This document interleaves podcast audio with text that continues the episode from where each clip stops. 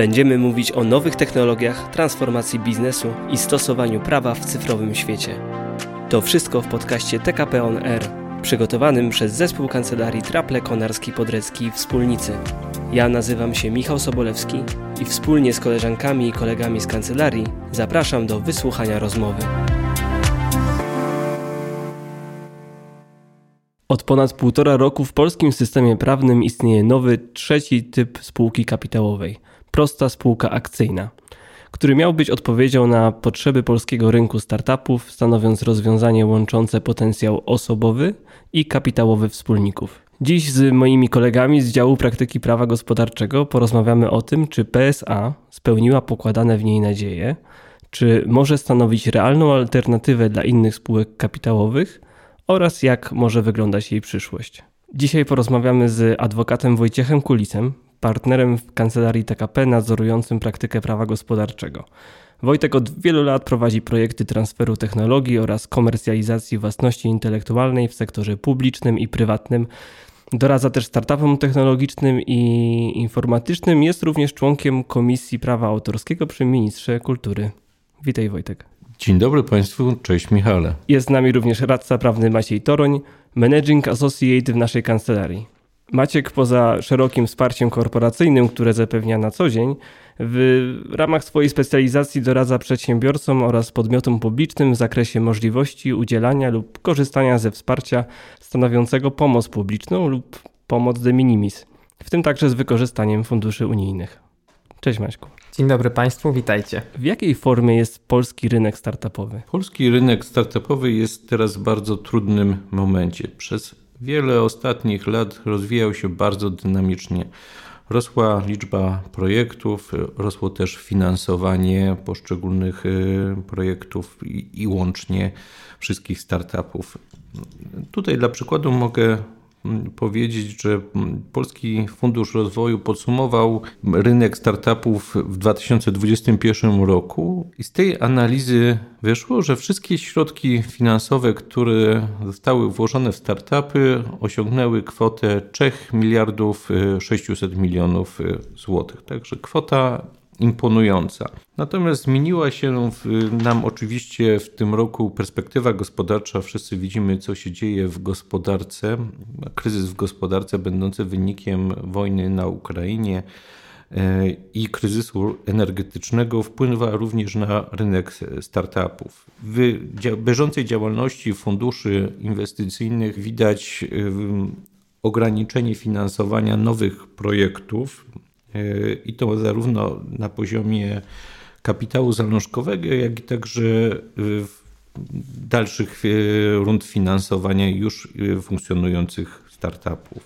Problemem też, z którym się spotykają obecnie pomysłodawcy, którzy chcą rozwijać swoje projekty, jest ograniczenie środków publicznych przeznaczonych właśnie na finansowanie startupów w fazie zalążkowej Wynika to z faktu, że kończy nam się poprzednia perspektywa finansowa i y, fundusze, które działają w ramach Bridge Alpha, kończą swoje projekty, a nie rozpoczynają nowe. Mimo wszystko tych projektów, y, nowych projektów z rozmów, które prowadziłem z funduszami, jest bardzo dużo. Są to projekty bardzo zróżnicowane. Nie, nie jest tak jak w poprzednich latach, gdzie dominowały projekty informatyczne. W chwili obecnej można też spotkać się z y, pomysłodawcami, którzy mm, rozwijają y, swoją działalność w innych obszarach niż tylko informatyka. Jest dużo projektów technologicznych, y, pojawiają się też coraz lepsze projekty z dziedziny life science. Te perspektywy dla rynku startupów w Polsce istnieją. E, projekty są, tak jak powiedziałem, e, ale być może w ciągu najbliższych kilku lat będzie ograniczone ich e, finansowanie. To zresztą też powoduje trochę przemodelowanie tego rynku. Coraz więcej projektów jest finansowanych z udziałem środków zagranicznych a także coraz modniejszy staje się crowdfunding. No właśnie, crowdfunding. Mówiliśmy o nim w październikowym odcinku naszego podcastu i pamiętam, że była tam Między innymi mowa o tym, że to prosta spółka akcyjna będzie jedną z tych form, która pozwoli zaangażować się inwestorom w finansowanie spółki za pośrednictwem y, crowdfundingu. I Maćku, może mógłbyś jeszcze dwa słowa na ten temat powiedzieć, no i też powoli wprowadzać nas w ten temat, dla którego się tu spotkaliśmy, czyli czym jest prosta spółka akcyjna, dlaczego w ogóle mówimy, że ona jest prosta. Faktycznie prosta e, spółka akcyjna, e, która, pewnie jeszcze do tego wrócimy, ma w sobie łączyć e, najlepsze, przynajmniej w tak, takim zamierzeniu ustawodawcy, elementy z innych spółek, przede wszystkim ze, ze spółki ZOO i ze spółki akcyjnej, jest takim typem spółki, który umożliwia faktycznie pozyskiwanie tego kapitału w ramach crowdfundingu tak zwanego udziałowego, czyli właśnie pozyskiwania takich pojedynczych, małych inwestorów, za, na przykład za pośrednictwem emisji które w tym celu wykorzystują platformy crowdfundingowe, a więc środowisko elektroniczne, cyfrowe, co jakby ułatwia dokonywanie tych wszystkich formalności. W tym roku udało się faktycznie y, i to po kilku miesiącach tak naprawdę y, funkcjonowania prostej spółki akcyjnej w, w obrocie prawnym w Polsce przeprowadzić pierwszą taką akcję crowdfundingową. Miało to miejsce w pierwszej połowie roku 2022 co pokazuje, że, że faktycznie prosta spółka akcyjna może w tym zakresie spełniać te oczekiwania, y, które wiązano jakby z jej, z jej utworzeniem. No dobrze, ale, no ale czym jest ta prosta spółka akcyjna? Jest to taki typ spółki, y, spółki kapitałowej, mm, a więc y, jest to trzecia spółka kapitałowa, która funkcjonuje w polskim obrocie prawnym, w polskim prawie handlowym. Miała być w założeniu czymś pośrednim pomiędzy y, spółką ZOO i spółką akcyjną, ale jednocześnie, co do czego jeszcze wrócimy, miała też wykorzystywać pewne elementy charakterystyczne dla, dla spółek osobowych, tutaj zwłaszcza Chodzi o możliwość wniesienia wkładu y, w postaci własnych usług, y, świadczenia usług czy, czy, czy pracy przez, y, przez akcjonariuszy na rzecz spółki.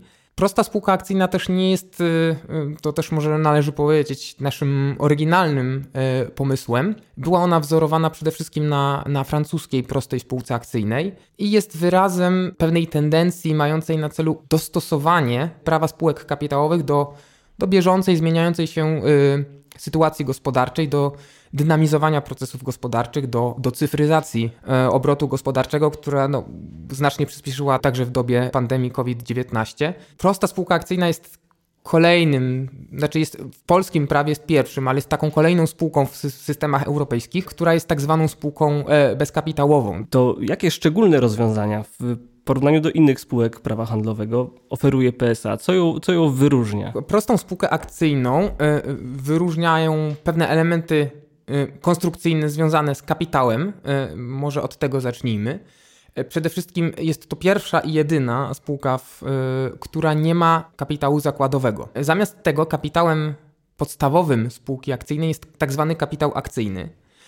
Jego minimalna wysokość może wynosić 1 zł, więc to jest bardzo znaczące obniżenie wymogów kapitałowych, tak, które muszą spełnić akcjonariusze za, zakładający spółkę. Dla przypomnienia, w przypadku spółki ZOO kapitał zakładowy minimalny musi wynosić 5000 zł, natomiast e, w przypadku spółki akcyjnej, tej takiej klasycznej, e, aż 100 tysięcy złotych. Także kapitał akcyjny, on nie jest powiązany z akcjami, tak? E, akcje są akcjami beznominałowymi, czyli nie mają wartości. To nie jest tak, że wysokość kapitału akcyjnego jest zdeterminowana liczbą akcji i ich wartością nominalną akcje wydawane są w prostej spółce akcyjnej w zamian za, za wnoszone wkłady. I tutaj, y, to trzeba zaznaczyć, przedmiotem wkładu do prostej spółki akcyjnej y, może być znacznie szerszy katalog praw niż ma to miejsce w pozostałych spółkach kapitałowych. Zatrzymajmy się tutaj. Jakie mogą być wkłady do prostej spółki akcyjnej? Wkłady do prostej spółki akcyjnej mogą być e, takie same jak w przypadku spółek kapitałowych, czyli spółki ZOO czy spółki akcyjnej. Czyli to mogą być zarówno wkłady pieniężne, co jest oczywiste, jak i wkłady o charakterze niepieniężnym, na przykład prawa własności intelektualnej, mające bardzo różne formy, chociażby autorskie prawa majątkowe do oprogramowania, prawa ochronne na znaki towarowe, prawa patentowe, czy też prawa do patentu. Tych wkładów do prostej spółki akcyjnej, podobnie jak w przypadku innych spółek kapitałowych, może być bardzo wiele. To, co odróżnia prostą spółkę akcyjną od innego typu spółki kapitałowej, jest możliwość wniesienia wkładu y, na pokrycie akcji w postaci usług y, lub świadczonej pracy. Przez to, że nie mamy w prostej spółce akcyjnej, tak jak powiedział Maciek, kapitału zakładowego, możemy y, oderwać wkład wnoszony na pokrycie akcji od wkładu wnoszonego na pokrycie kapitału akcyjnego, czy też kapitału zakładowego w przypadku innych form spółek kapitałowych. Daje nam to bardzo duże możliwości i elastyczność w wnoszeniu własności intelektualnej do spółki. To jest bardzo istotne. Do tej pory mieliśmy taką sytuację, że pomysłodawca, który chciał założyć spółkę kapitałową, spółkę ZOO, jak najczęściej e, to bywało w praktyce, wyceniał to, co stworzył do momentu założenia takiej spółki i e, wnosił na przykład prawa do oprogramowania jako aport do spółki e, kapitałowej. E, natomiast to, co się już działo później z tymi prawami własności intelektualnej, było w znacznie mniejszym stopniu uregulowane w dokumentach korporacyjnych. To, co było przedmiotem aportu, było przedmiotem, było określane na moment wniesienia, na moment wniesienia wkładu. Prosta spółka akcyjna przez to, że daje nam możliwość wnoszenia do spółki tytułem wkładu na pokrycie akcji także usług i świadczonej pracy, e, pozwala też na w miarę elastyczne kształtowanie przenoszenia nowej własności intelektualnej, ta, która jest wypracowywana w ramach spółki, prostej spółki akcyjnej, Praca założycieli, pomysłodawców, których y, zaangażowanie w spółkę, w startup jest konieczne do tego, żeby ta spółka rosła i rozwijała się, była wyceniana w tym tradycyjnym modelu na moment y, założenia spółki, na moment wejścia y, inwestora. Prosta spółka akcyjna, właśnie poprzez mechanizm pokrywania wkładów na akcje świadczoną pracą lub świadczonymi usługami daje elastyczną możliwość nabywania kolejnych pakietów akcji przez pomysłodawców i e, przydzielania im nowych pakietów akcji stosownie do ich faktycznego zaangażowania e, w spółce.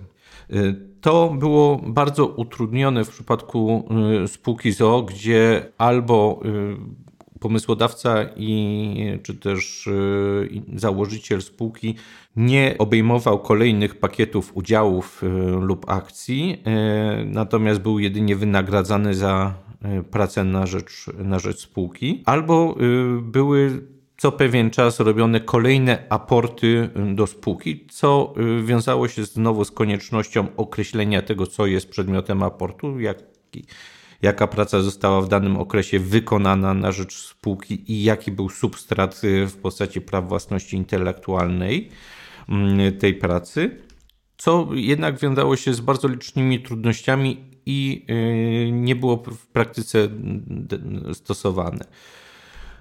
W chwili obecnej możemy już na etapie kształtowania dokumentów korporacyjnych, kształtowania relacji z pomysłodawcami w taki sposób y, y, zakreślić y, wymagania w stosunku do nich, żeby kolejne pakiety akcji były im przydzielane faktycznie do pracy, która została wykonana na rzecz spółki, w tym do, w odniesieniu do praw własności intelektualnej. Wnoszenie własności intelektualnej do spółki tytułem aportu jest jednym z trudniejszych e, problemów. Wiąże się to też e, z tym, że osoby, które piszą e, umowy spółki, zajmują się codziennie prawem handlowym, a nie zajmują się prawem własności intelektualnej. Natomiast dla e, samego opisu aportu i sposobu jego przeniesienia w dokumentach, takie jak umowa spółki, stosowane są te same zasady, które stosuje się w umowach e, sprzedaży, w umowach przenoszących e, prawa autorskie czy też prawa własności przemysłowej. Te reguły są czasami bardzo sformalizowane. Tu można przykładowo podać, że przy wnoszeniu autorskich praw majątkowych, na przykład do oprogramowania, musimy w umowie określić pola eksploatacji. Wymaga tego od nas tak zwana zasada specyfikacji. Bardzo często zdarza się, że w umowach spółki przedmiot aportu jest określany w sposób ułomny, co później na etapie due diligence takiej spółki yy, może zostać oflagowane jako, rzecz, jako wątpliwość o charakterze prawnym lub jako ryzyko o charakterze e, prawnym. Nie jest to e, niewątpliwie sytuacja pożądana dla pomysłodawców, e, ale także dla przyszłych inwestorów. Mm, stąd też dla wnoszenia aportem własności intelektualnej Y, jest istotne to, żeby osoba, która y, opisuje to w umowie spółki, miała w tym zakresie doświadczenie wynikające z pracy z własnością intelektualną, z prawami własności intelektualnej. Wspomniałeś o, o możliwości jakby wycenienia i także docenienia tej pracy, która już jest na dalszym etapie istnienia spółki wkładana przez y, założycieli, tak, akcjonariuszy. W tym miejscu warto również zaznaczyć, że prosta spółka akcyjna mm, ma tę zaletę, że pozwala też wycenić taką pracę i nagrodzić y, nie tylko samych funderów, założycieli, akcjonariuszy, ale także pracowników. Jedną z najczęściej wskazywanych y, w różnych raportach dotyczących wad polskiego rynku startupowego jest to, że niewiele podmiotów, niewiele startupów decyduje się na wdrożenie tak zwanych programów ESOP-owych, e, Employee Stock Option Plan, czyli programów, które umożliwiają jakby motywować pracowników spółki, bo na pewnym etapie rozwoju sam, praca samych funderów nie wystarcza, trzeba tych pracowników znaleźć z odpowiednimi kwalifikacjami, tak, którzy są w stanie pociągnąć tę działalność innowacyjną, rozwijać produkt czy rozwijać usługę. No i trzeba ich jakoś nagrodzić. I taką formą nagrody może być zainteresowanie ich y, udziałem w spółce poprzez przyznanie akcji. No i także przez to y, zmotywować do bardziej efektywnej pracy poprzez przyznanie im możliwości partycypacji w wypracowanych przez spółkę zyskach. Czyli innymi słowy, im lepiej będziesz pracował dla, dla spółki, tym większe przełożenie w ich, jej zyskach będziesz miał w przyszłości. Dokładnie tak. Problem e, z programami ESOP-owymi w Polsce wynikał głównie z tego, e, że jak wcześniej wspomnieliśmy, najpopularniejszą formą wybieraną do tej pory przez startupy jest spółka ZOO. Wdrożenie programu ESOP-owego ze względu na formalne ograniczenia dotyczące zbywalności udziałów, y, y, nabywania udziałów własnych przez y, spółkę celem ich na przykład od sprzedaży pracownikom, praktycznie uniemożliwiały wdrożenie programów ESOP-owych w spółkach ZOO lub wymagało to bardziej skomplikowanych zabiegów prawnych, analiz podatkowych, co oczywiście wymagało za, zaangażowania ekspertów. Prosta spółka akcyjna Podobnie jak spółka akcyjna, która w praktyce jest niestety droższa w, w obsłudze, droższa w funkcjonowaniu, umożliwia y, poprzez wykorzystanie takich mechanizmów jak emisja akcji, czy na przykład warunkowa emisja, y, czy emisja warantów subskrypcyjnych zamiennych na akcje, umożliwia przygotowanie takich programów ESOP-owych i ich wdrożenie, co przekłada się na też y, pewne ułatwienia w rekrutacji odpowiedniego personelu przez startupy. Wiem, że jest też kilka innych elementów, które wyróżniają prostą spółkę akcyjną. Dużo słychać było o możliwości powołania Rady Dyrektorów jako takiego organu, który łączy w sobie funkcje zarządcze i nadzorcze, a który z drugiej strony pozwala w końcu pełnoprawnie nazwać się dyrektorowi zarządzającemu CEO. Prosta spółka akcyjna faktycznie pozwala e, na wdrożenie tak zwanego monistycznego systemu organów w spółce. Jest to cecha charakterystyczna bardziej dla anglosaskich y, systemów prawnych niż dla tych naszych kontynentalnych, do których też należy polski system prawny. I do tej pory takiej możliwości pozostałe spółki kapitałowe nie miały. U nas dominuje model dualistyczny, czyli mamy zarząd, który zarządza i radę nadzorczą, która w spółce akcyjnej jest co do zasady obowiązkowa, a w spółce ZO pod, w pewnych sytuacjach może być obowiązkowa i ta rada nadzorcza ten, ten zarząd kontroluje. Natomiast e, w przypadku prostej spółki akcyjnej możemy powołać radę dyrektorów, która łączy te funkcje, czyli dyrektorzy e, schodzący w skład rady wykonują zarówno kompetencje zarządcze, jak i nadzorcze. Podstawową jakby zaletą prostej spółki akcyjnej, do tego pewnie wielokrotnie się jeszcze będę odwoływał, ale jest duża elastyczność założycieli w konstruowaniu tego, jak ta spółka wewnątrz y, ma działać. Więc y, y, Rada Dyrektorów taką elastyczność też zapewnia, ponieważ można dokonać podziału tak naprawdę funkcji w ramach Rady Dyrektorów na dyrektorów wykonawczych, którzy de facto zarządzają, a więc jakby odpowiadają naszemu rozumieniu zarządowi, i dyrektorów niewykonawczych, którzy dyrektorów wykonawczych kontrolują. Do tej nowinki w postaci możliwości powoływania Rady Dyrektorów jednak trzeba się przyzwyczaić. Ograniczony sukces prostej spółki akcyjnej przez ostatni rok, y, tu możemy powiedzieć, że przez ostatni rok powstało mm, tych spółek y, w Polsce niecałe 1200. Y, wiąże się także z tym, że jesteśmy przyzwyczajeni do takiego klasycznego podziału na zarząd i na radę nadzorczą. Y, wprowadzenie systemu monistycznego, tej jednolitej rady dyrektorów, y, nie jest czymś naturalnym dla osób, które mm, podejmują decyzję o zakładaniu spółek w Polsce. To jest coś, do czego oczywiście są przyzwyczajeni ludzie z obszaru mm, anglosaskiego. Natomiast polscy decydenci jednak ten podział na zarząd i na radę nadzorczą uważają za coś bardziej e, naturalnego. Nie ma w tym e, nic dziwnego. Każde zmiany w kodeksie spółek handlowych wymagały czasu, żeby je wdrożyć. E, tu można przykładowo wskazać na spółkę komandytowo-akcyjną, która przez pierwsze lata funkcjonowania była de facto spółką istniejącą wyłącznie w treści przepisów prawnych, a ilość tych spółek powoływanych była minimalna. Tutaj właśnie na korzyść prostej spółki akcyjnej można powiedzieć, że jednak ten start, mimo że e, nie bardzo imponujący, e, ale jednak jest znacznie lepszy niż w przypadku innych nowości, które były wprowadzane do kodeksu spółek handlowych. No właśnie Wojtku, bo trochę wyprzedziłeś moje pytanie, bo chciałem zapytać, jak PSA radzi sobie na rynku i też jakie widzicie jej minusy, które mogą z, tak zniechęcać inwestorów do, do prowadzenia działalności w tej właśnie formie, a jednocześnie jak widzicie jej przyszłość? Zadałeś bardzo ciekawe pytanie. Jak prosta spółka akcyjna radzi sobie na, na rynku? No cóż, tak jak e, Wojtek wspomniał, e, udało się zarejestrować trochę tych spółek w rejestrze przedsiębiorców KRS, co oznacza, że pojawia się zainteresowanie tą formą prowadzenia działalności. E, nie jest ona martwa, jak na początku była spółka komandytowo-akcyjna, ale jednocześnie obserwuje taką tendencję, którą bym nazwał e, takim trochę podchodzeniem jak do jeża, ponieważ e, prosta spółka akcyjna wprowadza pewne nowości, których no, do tej pory nas system nie znał.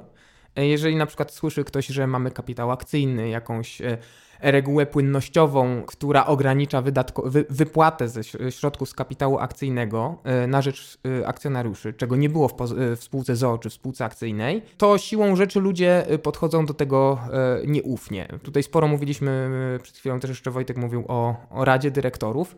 To też wzbudza pewną nieufność, jakby popatrzeć sobie, y, to jednak większość y, tych spółek, prostych spółek akcyjnych, które już funkcjonują, decyduje się jednak na, e, na powołanie zarządu z perspektywą ewentualnie dowołania w razie potrzeby e, Rady Nadzorczej. To wszystko pokazuje, że podchodzimy jednak wciąż troszeczkę nieufnie do tej instytucji. Sam miałem taką sytuację, że klient potrzebował założyć spółkę. Myśmy powiedzieli mu o tym, że, mm, że jest coś takiego jak prosta spółka akcyjna, że ma tutaj pewne zalety, tak można wnieść na przykład właśnie świadczenia w postaci usług lub pracy, że można przewidzieć jakiś plan e, angażujący pracowników w spółkę. Mm, klient przemyślał i ostatecznie zdecydował się na spółkę ZOO, bo, bo jest ona znana, tak? Jest, jest czymś, y, y, co wiemy jak się je, mówiąc tak kolokwialnie.